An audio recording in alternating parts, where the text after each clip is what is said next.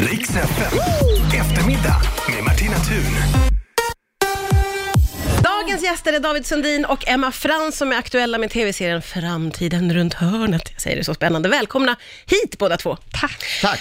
Eh, sak som man har fantiserat om sen man var liten är ju hur ska det bli i framtiden och man hade klara bilder av det. Eh, vad funderade du på när du var barn, Emma, om hur framtiden skulle se ut? Ja, men jag tror att jag hade mycket tillbaka till framtiden som utgångspunkt. Så det var mycket flygande bilar, mycket hologram, mycket självtorkande kläder och sånt där. Ja, självtorkande kläder. Mm, För flygande bilar känns som ett återkommande, det är man nästan matad med att det ska finnas med i framtiden. Vad, vad, vad fantiserade du om? Ja, men jag hade den där, det fanns någon bok som hette typ Framtiden eller något, som var från 70 80-tal, men den var ju också så, hade de grejerna och det är säkert en flygande bil på liksom omslaget. Ja. Men det här är ju en av de grejerna som vi är tvungna att gå till botten med för att det känns som en sån himla viktig, viktig grej. Ja men, ja, men eller hur? Eh, man tänker ju eh, kanske främst på teknik och just flygande bilar och sånt, men i första avsnittet av den här serien som ni gör, då tar ni er an framtidens underhållning. Hur kom ni fram till att ni ville ta i det? Alltså dels handlar det om att David är lite min försökskanin i det här programmet och han jobbar ju inom underhållningsbranschen och då är ju frågan om David ens kommer behövas i framtiden. Ja, kommer han att behövas i framtiden? Knappt känns det som. Nej, men det kommer vi väl fram till att det Män kommer men- inte behövas. Avsnitt ett, check! Att det är kul med människor, men just män är inte så himla... Nej men ni vänder ju och vrider på det här, det tycker jag är jättespännande med, eh, kommer skådespelare att behövas på samma sätt just eftersom man redan idag kan göra folk yngre? Eh, så, så, så vad ser du för framtid där David? För, Nej, men det, var, det, det är en sak som vi upptäcker då, att man kan ju, liksom, om man sparar ner sitt ansikte nu, då kan jag ju lägga på det på mig sen. Det gör ingenting att jag blir gammal, för då kan man bara pasta på mitt eh, 40-års, äh, fräscha 40-års-face Ja. eh, sen, så har jag, det, har jag det för resten av eh, livet. Ja. Men sen gör vi ju också läskiga grejer med det, eftersom man kan ju lägga det i ansiktet på vem som helst, och som då kan göra vad som helst, eh, och även med röst. Så jag får ju tanka in min röst och sen så gör de här forskarna en eh, maskin som, där jag säger saker som jag inte har sagt. ja, alltså det där är ju läskigt för det, är väldigt, det ser väldigt på riktigt ut. Ja. Eh, Och det här förekommer ju redan att man gör det här, så det här är ju väldigt häftigt och roligt, men också läskigt om det används på fel sätt. Men så är det ju liksom generellt med de här nya innovationerna vi ser. Vi kommer i ett senare program prata om det här med CRISPR också, som fick Nobelpriset i kemi. Just det här med att man kan liksom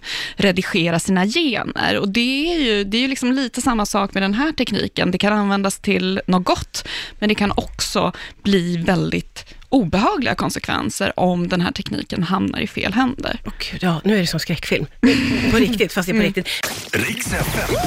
Eftermiddag med Martina Thun. När jag berättade för mina kollegor om det här, och då dyker samma fråga upp och jag har den själv i mig också. Ja, men hur vet man? Hur vet man överhuvudtaget någonting om framtiden? Emma, jag vänder mig till dig. Ja, men grejen är att jag har lite en sån här känsla av att det här programmet kommer man sitta och garva åt om 20 Jaså? år. Eller hur? Att man kommer Tio, ha... jag tror tio räcker gott och väl. Precis. Liksom jävla idioter som trodde att det skulle bli på det här sättet. Men samtidigt så är det ju så, vi drar ju inga slutsatser. Vi säger ju inte så här kommer det bli, utan vi tittar lite på liksom, var, är, var ligger forskningens framkant just nu och Ja. vad kommer det innebära framöver? Så att vi är ju nästan där, det är bara att det kanske inte har blivit en del av vårt dagliga liv. Och jag menar på något sätt så, att göra förutsägningar kring hur det kommer se ut om 50 år, det är ju betydligt svårare. Ja. Men att bara titta på det som finns nu och det som kan bli en del av vår vardag, det är lite enklare tror jag. Ja, för ni är tydliga med att det här handlar om en nära framtid och att det mycket av tekniken finns och så vidare. Men hur, och det här är en dum lekmansfråga, jag ber om ursäkt, men David, du är ändå här och kan liksom, eh, hur skiljer man på vad man Dumma har för... ner. för ja, du kan dumma ner, men jag, det är dumt, men förstå mig rätt. Hur skiljer man på vad man har för förhoppningar för framtiden eh, och vad man kan förvänta sig? Alltså, förstår ni mig? Ja, men det som är svårt och konstigt är ju att folk liksom gissar ganska mycket och de kan vissa grejer men de gissar.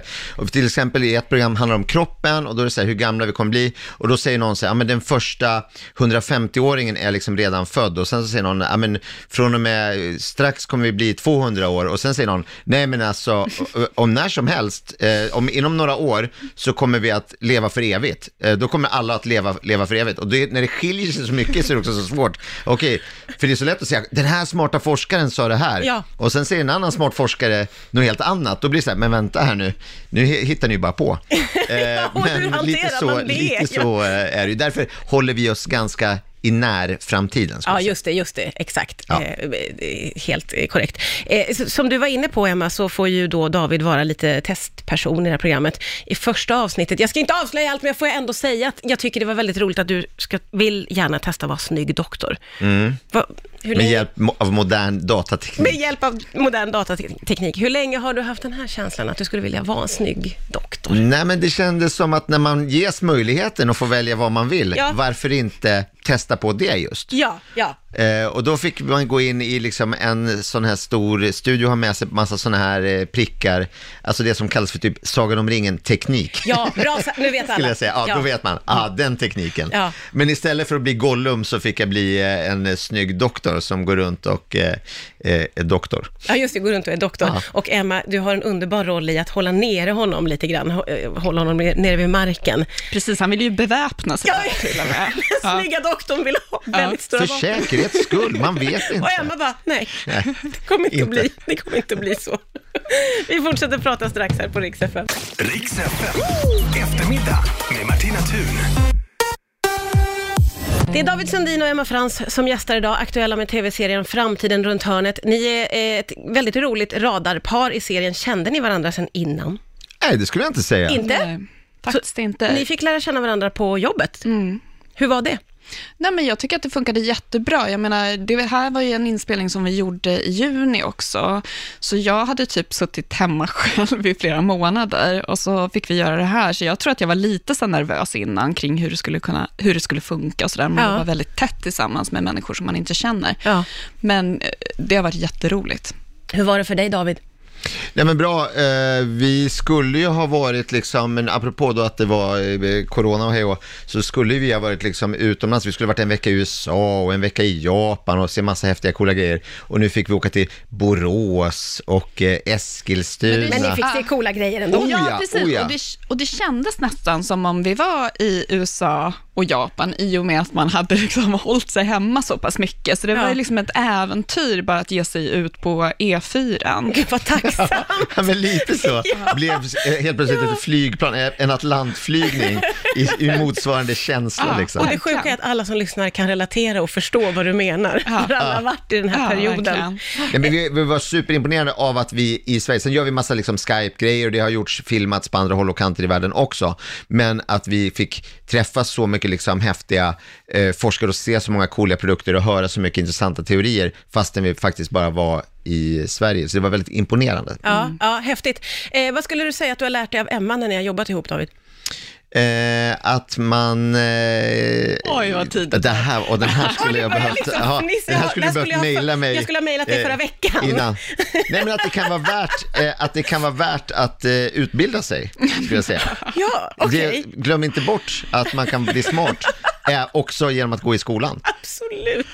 Ja, du vet att samma fråga kommer att komma till dig. Vad har, vad har du lärt dig av David, Emma? Nej, men det är ju väldigt, alltså grejen är att, jag menar visst, jag kanske är där som experten, men David är ju också en person som är väldigt kunnig, han är väldigt teknikintresserad.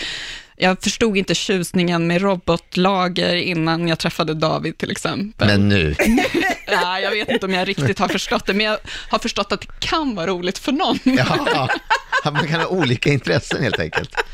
Det är en jättefin grej att få med sig efter ett samarbete. Nu när ni har varit i det här och fått liksom se vad mycket, vad, ja men vad som är nästa grej, vad ser ni mest emot, eh, fram emot med den nära framtiden?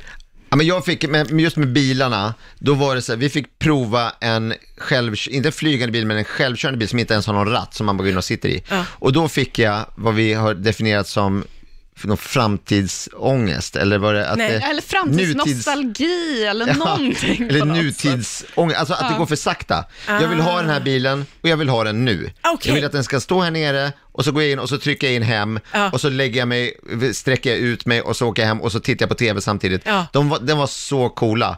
Eh, och jag vet att det kommer inte, det kommer dröja jag kanske inte ens får ha den någonsin. Nej, är det så Eh, för att det är så krångligt med vägarna. Ah, jo, någon gång kommer jag för. ah, Men tror okej. det är så långt bort och då blev jag arg. Men det var det jag var liksom mest sådär, Sugen. ge mig den. Ja, ja. Har du något sånt, Emma?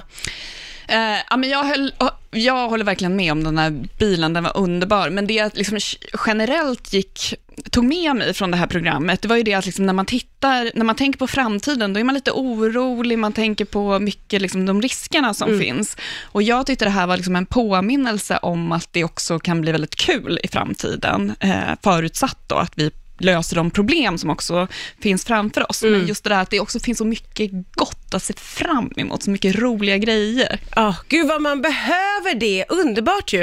Eh, Framtiden runt hörnet, premiär ikväll på SVT 21.30. Och jag kan säga till alla som inte har sett programmet, det är världens radarpar ni kommer att få se. Tack för att ni Vad kom kul, hit tack idag. vad snällt. Tack. Riks FM. Eftermiddag med Martina Thun.